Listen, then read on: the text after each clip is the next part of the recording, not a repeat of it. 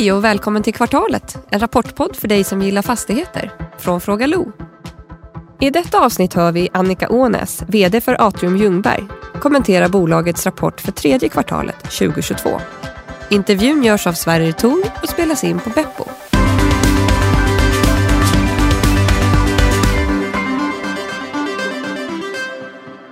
Hej Annika!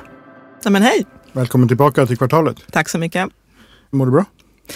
Ja, men jag mår bra, men jäkla vilken intensiv dag. Vi var ju först ut med rapporten och det har varit ett jättestort intresse. Så jag har haft det i tv, TT, Svenska Dagbladet, presentation på två ställen och eh, nu är jag här. Ja, då får du sluta på bra sätt. Avsluta på ett bra sätt i alla fall.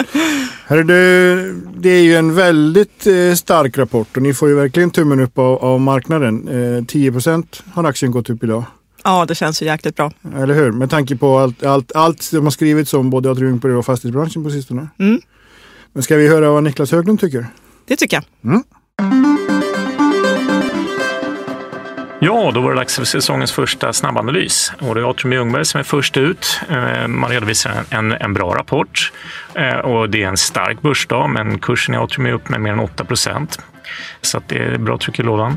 Förvaltningsresultatet då, det är något högre än förväntningarna, 3 och det är dessutom upp med mer än 30 procent jämfört med föregående årets eh, tredje kvartal, trots högre räntekostnader. Men ner med cirka eh, 5 procent på nio månader, så det var ganska lätta komps, men eh, betydligt bättre tryck i lådan än vad analytikerna hade räknat med. Nettouthyrningen är fortsatt positiv, bekräftar en stark hyresmarknad. Vakanserna är ner en procent från Q2 drivet av nettouthyrning, vilket är riktigt positivt att se.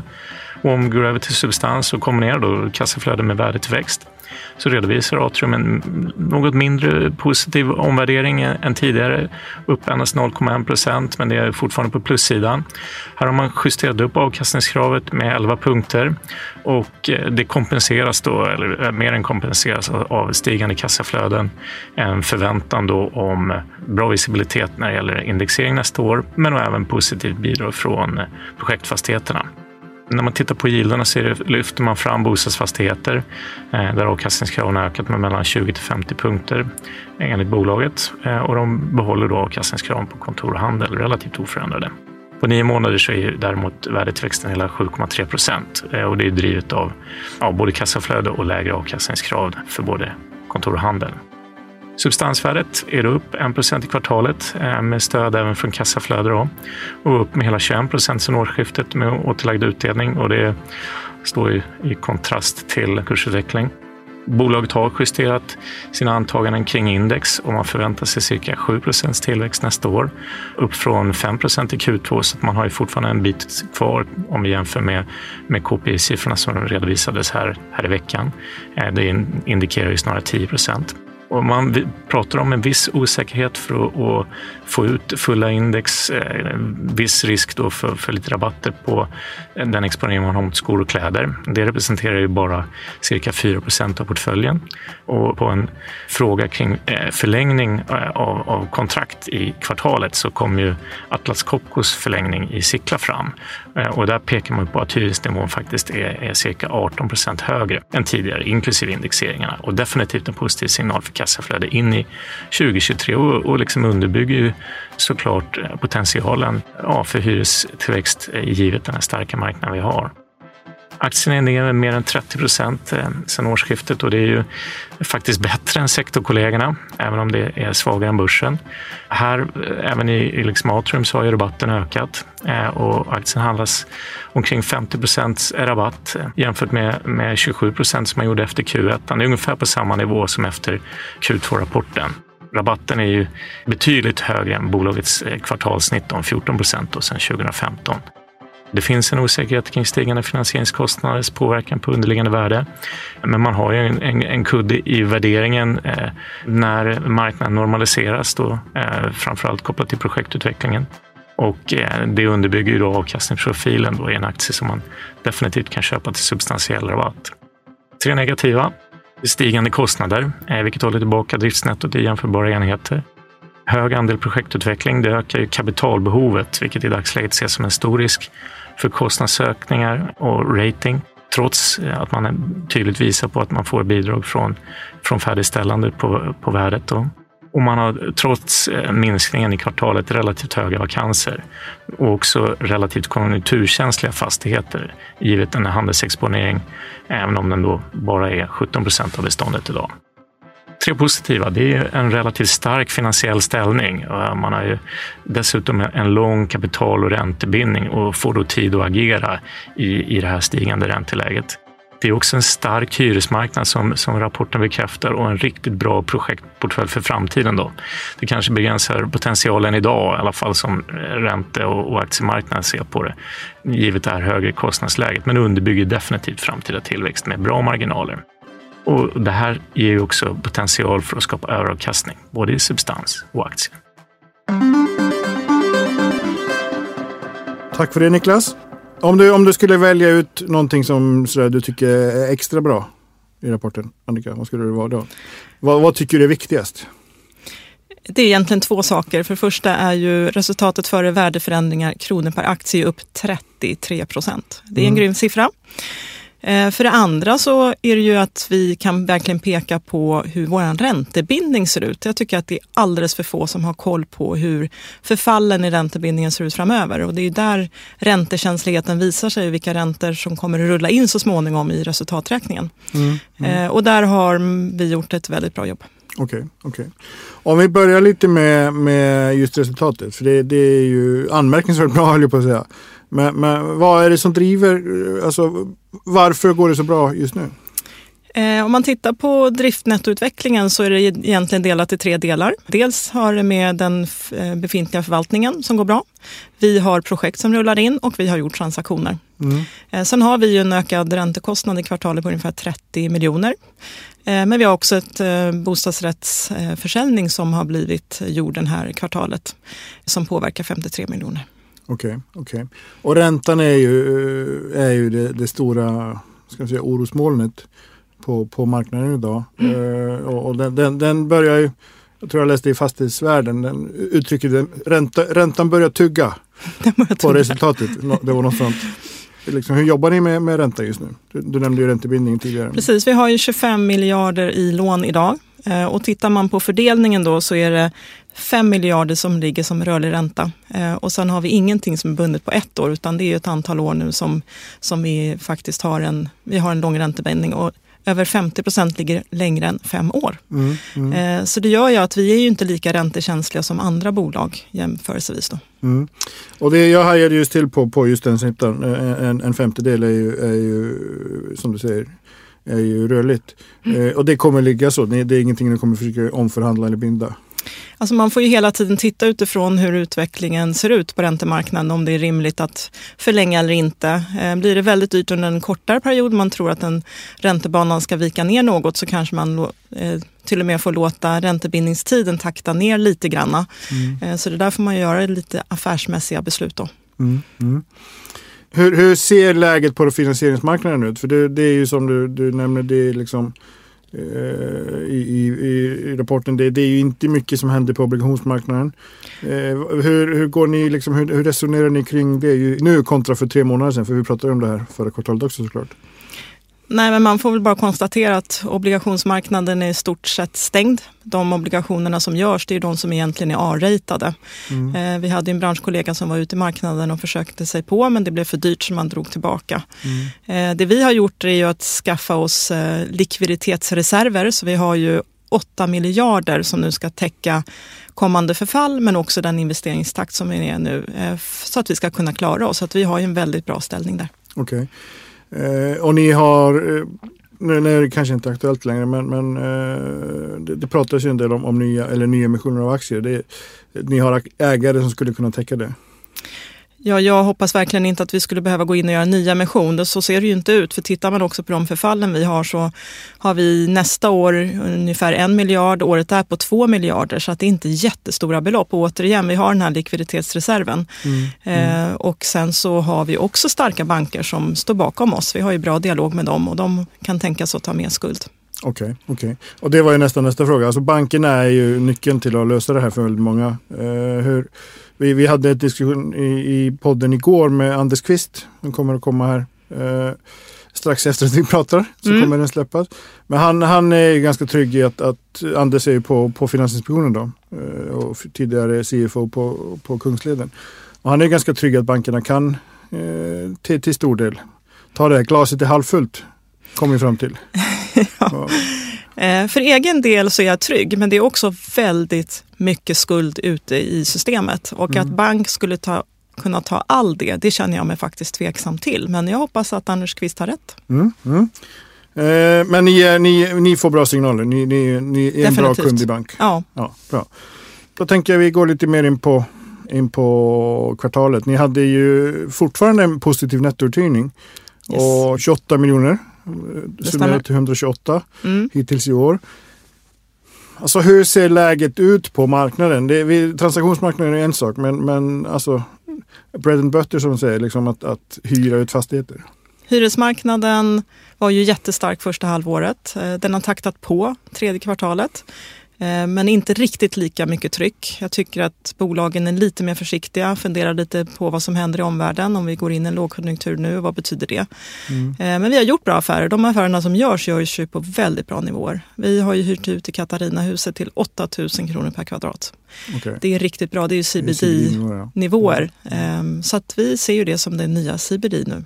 Okej, det är bra. Det, det ska ju komma nu eh, till årsskiftet eller, eller Q1 kommer det ju komma en, en viss höjning på grund av, av indexeringar. Det stämmer. Eh, det är den här månaden som avgör. Mm. Eh, är det någonting ni kan liksom, kan, säga, kan, ni, kan ni räkna in det i de här nya avtalen?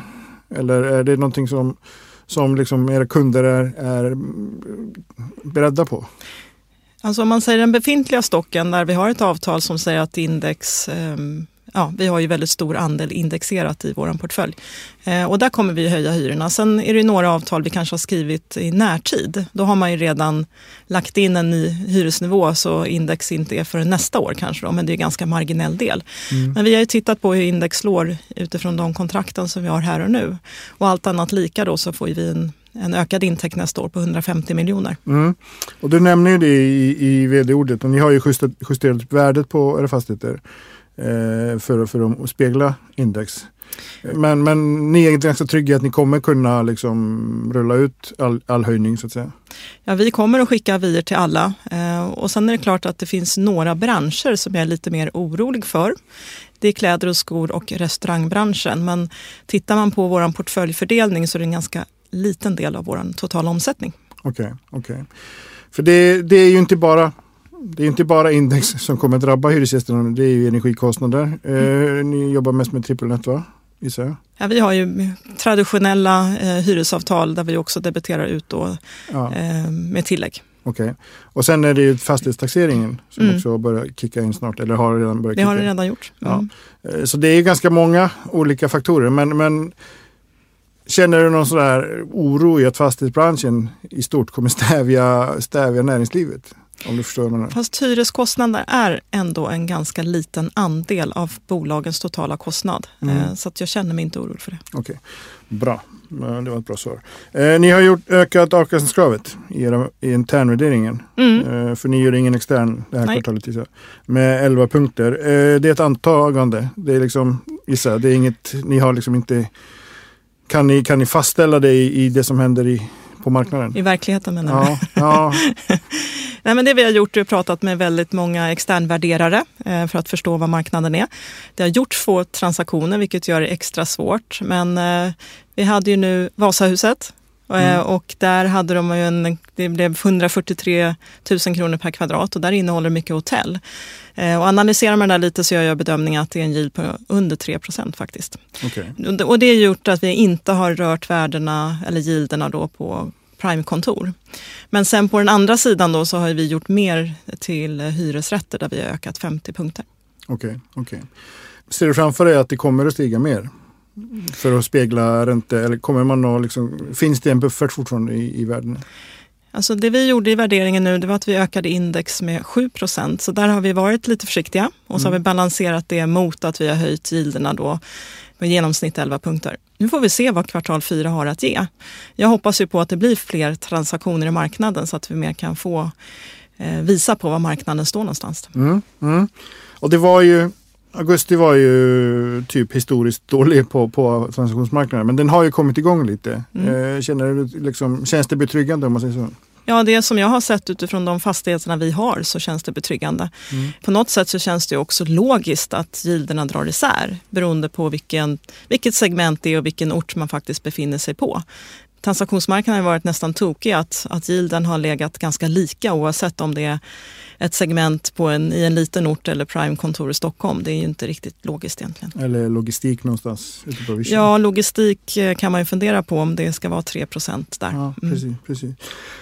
Men du, du nämner ju i vd-ordet då ni har gjort en stor uthyrning, i, eh, eller en uthyrning relativt stor till, till The Works i slakthusområdet. Mm. Och, och, och där, det, ju, det har vi pratat om flera gånger, slakthusområdet. Och, och det är intressant. Hur mycket kommer ni ha kontor där? Alltså hur, hur stor del av det kommer att vara kontor när, när ni är färdiga? Ja, nu är det ju en långsiktig plan där och vi har ju precis tagit ett investeringsbeslut i slakthusområdet. Det är ett stationshus i Slaktis eh, som kommer bli eh, ungefär 16 000 kvadratmeter. Eh, och det är just tunnelbaneuppgången då som är där eh, och det ska vara klart då 2027. Eh, och sen jobbar vi ju då med konstnärliga högskolorna eh, som också ligger längre fram i tiden. Så att här och nu har vi inte mer än så som vi jobbar på förutom vissa befintliga kåkar som vi ställer om och där vi mer gör rotprojekt. Okej, Mm. okej, okej. Eh, en annan uthyrning jag gjort, eller förlängning, är ju, är ju Atlas Copco. Ja. Den kan jag tänka mig att känns bra. Det känns mycket bra. Ja, Ja.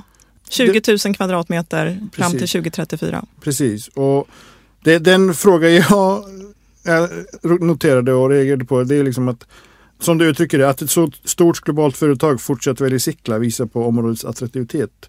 Och då tänker jag, kan Sickla bli någon form av sån här hubb för internationella företag som vill vara i, liksom, de vill ju gärna sitta i, i, i kluster. Kan, jobbar ni på det på något sätt eller kan, kan ni attrahera andra företag av samma, samma eh, natur som, som Atlas Copco? Det tror jag absolut och framförallt på sikt i och med att vi kommer få en tunnelbana till Sickla och det då tar sju minuter ifrån centrala Stockholm ut till Sickla så det ligger väldigt nära Mm. city. Mm, Okej, okej. En annan fråga som jag eh, noterade här i, i vd-ordet är ju Svea Education. Mm. Eh, som inte i Barkarby inte fick tillstånd att driva skolverksamhet. Och då skriver du att ni har valt att gå vidare med ett annat innehåll Mm. i, i, i de vakanta ytorna. Yes. Och, kan du utveckla det något närmare? Jag tänker att vi vrider om nu till mer vård och hälsa och kanske också en större andel kontor. Vi får lite se vad uthyrarna lyckas med här nu men nu var det dags att stänga spåret kring utbildning. Vi har gjort två försök eh, och Skolinspektionen har sagt nej och då, då måste vi byta sida. Okej, okej.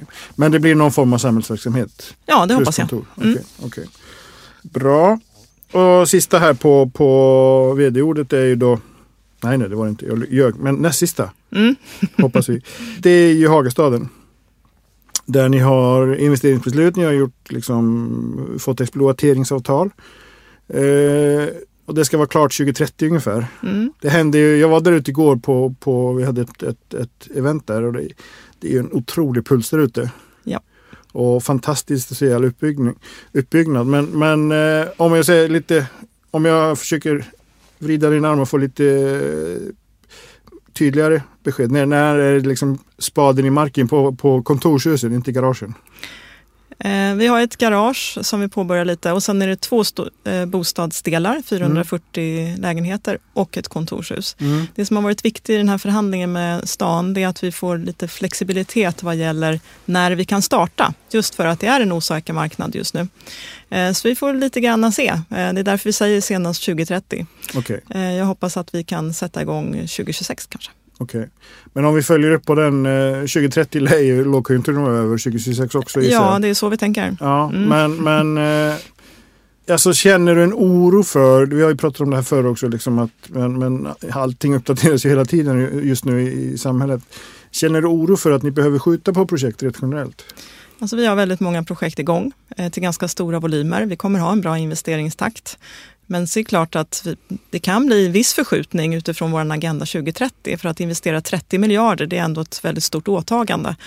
Eh, och det är viktigt att vakta balansräkningen och våra nyckeltal. Okej, så förskjutningen kan, det, det är där det kan hända. Det är inte så att ni, du ser en risk att de 30 miljarderna blir 20 eller? Nej, det tror jag är osannolikt. Vi har väldigt fin projektportfölj på väldigt fina ställen och det kommer att hända, men frågan är mer när. Och en lågkonjunktur kan kanske dra ut lite på tiden, men vi, vi återkommer till det. Jag, jag, jag är ganska optimistisk ändå. Mm, mm. Sen är det ju det här med finansieringskostnader. Ni har ju, vi har ju pratat om kapital eller räntebindningen. Det här är också en fråga som, som tenderar att återkomma. Alltså balansen mellan eget kapital och, och, och lånat kapital. Eh, nu, nu har ni ju och de flesta större bolag har ju sänkt sina belåningsgrader rätt rejält de senaste åren. Ser du att det, det behöver liksom om värdena faller kommer belåningsgraden stiga, allt annat lika. Ser du att ni behöver jobba där för att liksom hålla dem intakt så att säga, eller sänka dem? Vi har ett åtagande gentemot Moody som vi ska kunna behålla vår rating att vara under 45 procent bland annat. Eh, och det är viktigt för oss att styra efter det. Mm, mm. Ni har Moody's. Eh, är det aktuellt med att ta in fler? Eller liksom, ratingen känns ju som att det kommer ju vara väldigt avgörande här framöver, närmaste åren. Eh, framförallt när det kommer ju, någon gång kommer det ljusna till även på, på obligationsmarknaden, men den kanske blir lite mer picky om man säger så. Jag ser ingen anledning till att ha en dubbelrating. Okej. Okay. Eh, hur, hur, liksom, hur viktigt är det att hålla investment grade? Ni har B, BA2 va? Det stämmer. Ja. Nej men det är viktigt. Eh, vi kan säkert hoppa ner i ett pinnhål utan att det händer någonting markant. Eh, men däremot att bli non-investment grade, det skulle bli en katastrof ska jag säga. Okay. Då ökar finansieringskostnaderna drastiskt och det vill man inte ha. Ja.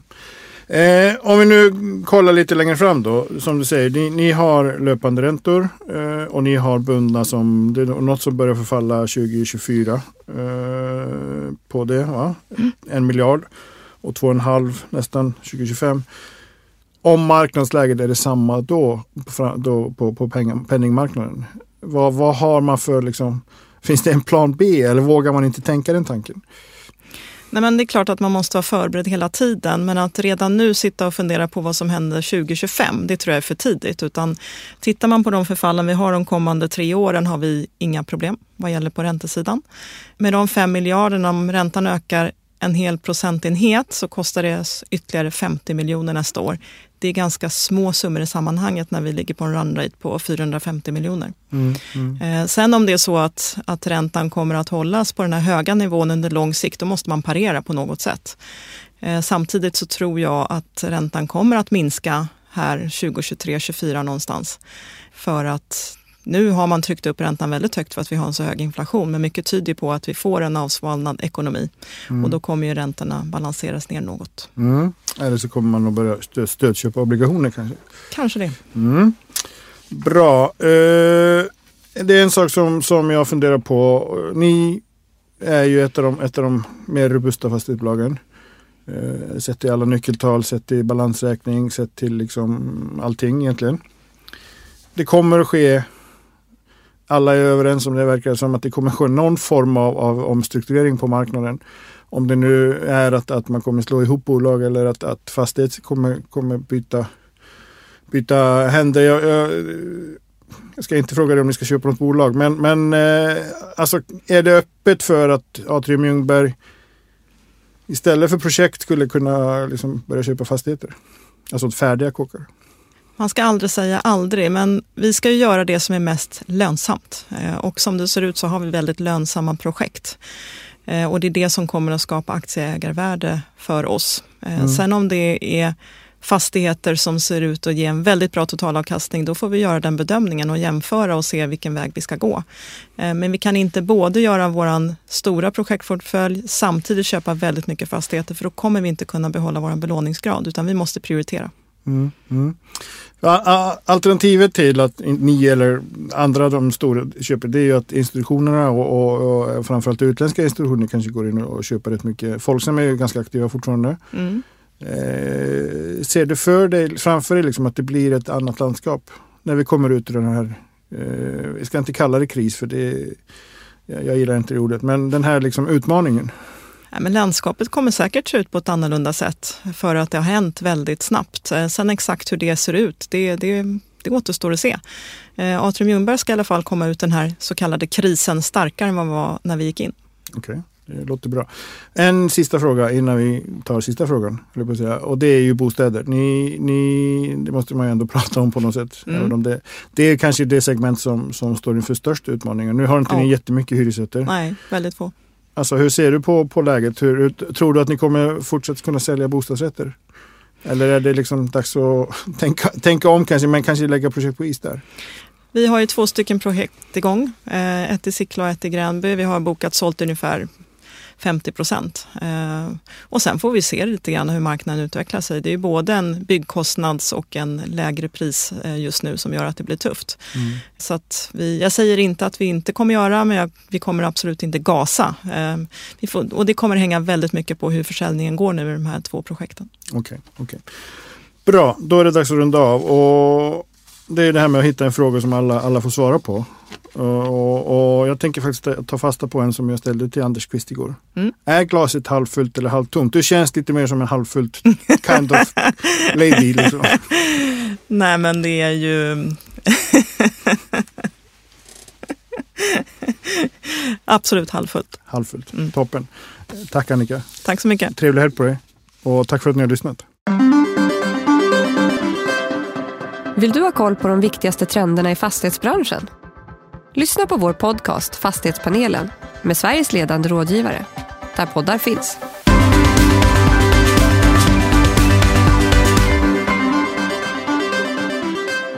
Det här programmet görs på Beppo. Beppo.